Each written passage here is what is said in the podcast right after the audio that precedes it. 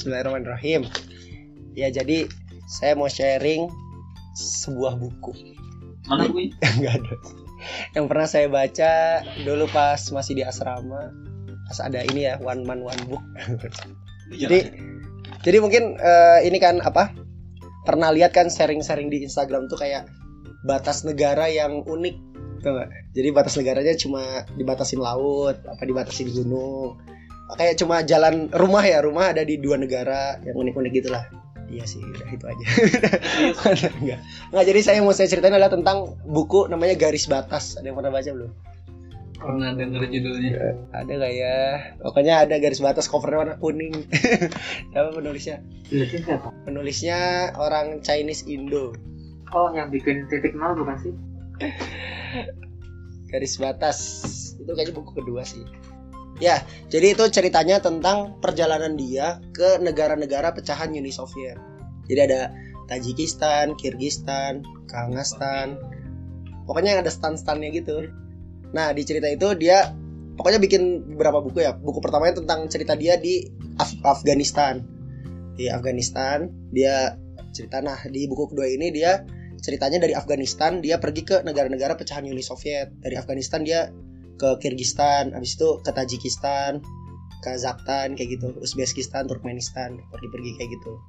Eh, di sini saya mau ambil dua poin yang menarik dari cerita beliau. cerita beliau itu ternyata ketika kita melewati suatu negara ya, mungkin kalau ada yang pernah keluar negeri kita melewati suatu negara itu kita ngelihat perbedaan kemajuan negara tersebut kayak gitu.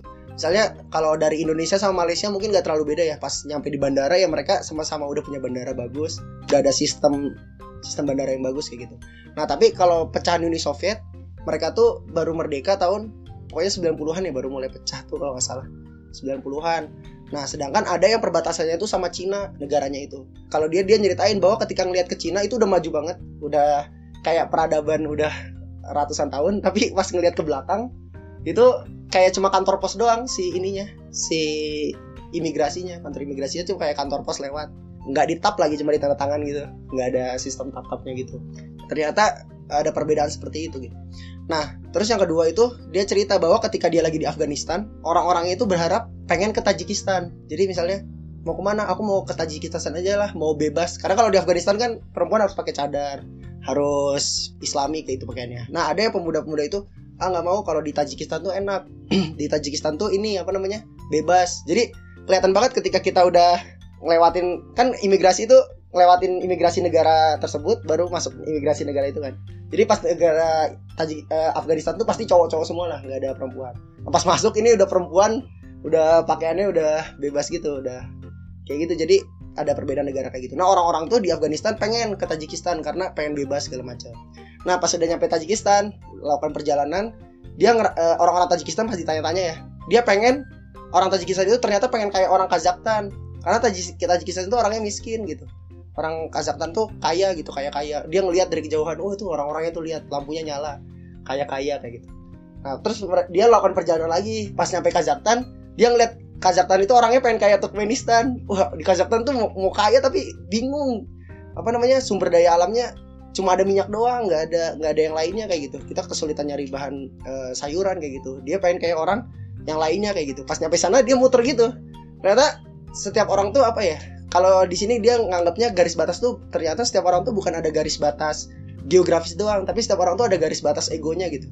Jadi setiap orang tuh selalu ngeliat punya orang lain tuh lebih baik pengen kayak orang itu. Tapi ternyata ketika kita tanyain orang tersebut dia pengennya ternyata masih nggak bersyukur juga sama yang dia punya. Oh saya pengen kayak yang ini ini pengen kayak yang ini. Ternyata ada yang pengen kayak yang ini lagi gitu bolak balik itu menarik banget sih. Ternyata di itu level levelnya udah gede levelnya udah antar negara kan. Tapi kalau refleksi gitu ya ke diri kita mungkin kadang kita juga pengen wah ini pengen nih pengen punya mobil kayak orang itu gitu misalnya. Eh pas ditanya orang yang punya mobil "Ah, enggak lah nggak enak macet gitu ya. Ternyata pengen punya orang yang kayak punya sepeda gitu Walau orang itu udah punya sepeda nih tapi pengen pengennya punya pengennya punya mobil kayak gitu. Jadi eh, di situ inspirasi banget sih eh, bagaimana eh, perjalanan-perjalanan itu ya ketika berjalan jauh apalagi antar negara itu kita bisa ngelihat bahwa yang pertama peradaban itu bener-bener dibangun gitu. Jadi kelihatan banget peradaban yang bener-bener baru sama peradaban yang udah ratusan tahun. Mereka masih kesulitan kesulitan pangan segala macam karena baru berdiri negaranya. Sedangkan ngelihat yang lain oh ini udah settle segala macam. Padahal pas kita kunjungin negara tersebut mereka juga masih kurang lagi masih kurang lagi kayak gitu. Jadi di sini refleksinya ini sih bersyukur sama apa yang udah kita punya kayak gitu ya. Sama mungkin kita harus lebih banyak melakukan perjalanan sih dan tanya-tanya orang di sana agar kita dapat sudut pandang yang lebih luas lagi terhadap dunia. Sebenarnya banyak banget sih teman. Tapi itu dulu aja. udah sekian terima kasih. Silakan baca bukunya ya semoga kita ini lah ya bisa memaknai hidup lebih lagi kalau di komik One Piece ada satu hal yang menarik sebenarnya tahu ini nggak nggak tahu One Piece ya. Tahu tahu lah. Nggak tahu? Ada ada berapa bibu di sini nggak? Tanya lah kak. nah di komik One Piece tuh pernah ada adegan di mana si Rohai ketemu sama eh, si Seng rambut merah Nggak tahu orang. nah intinya si Rohek ini or- manusia terkuat di One Piece ya. Di One Piece tuh manusia paling kuat ada di One Piece. Nah suatu ketika si Rohek bilang bahwa sekarang ini yang benar-benar mengetahui laut tuh amat sangat sedikit gitu ya. Terus dia nyebutin tokoh-tokoh besar memang di tokoh di One Piece gitu ya.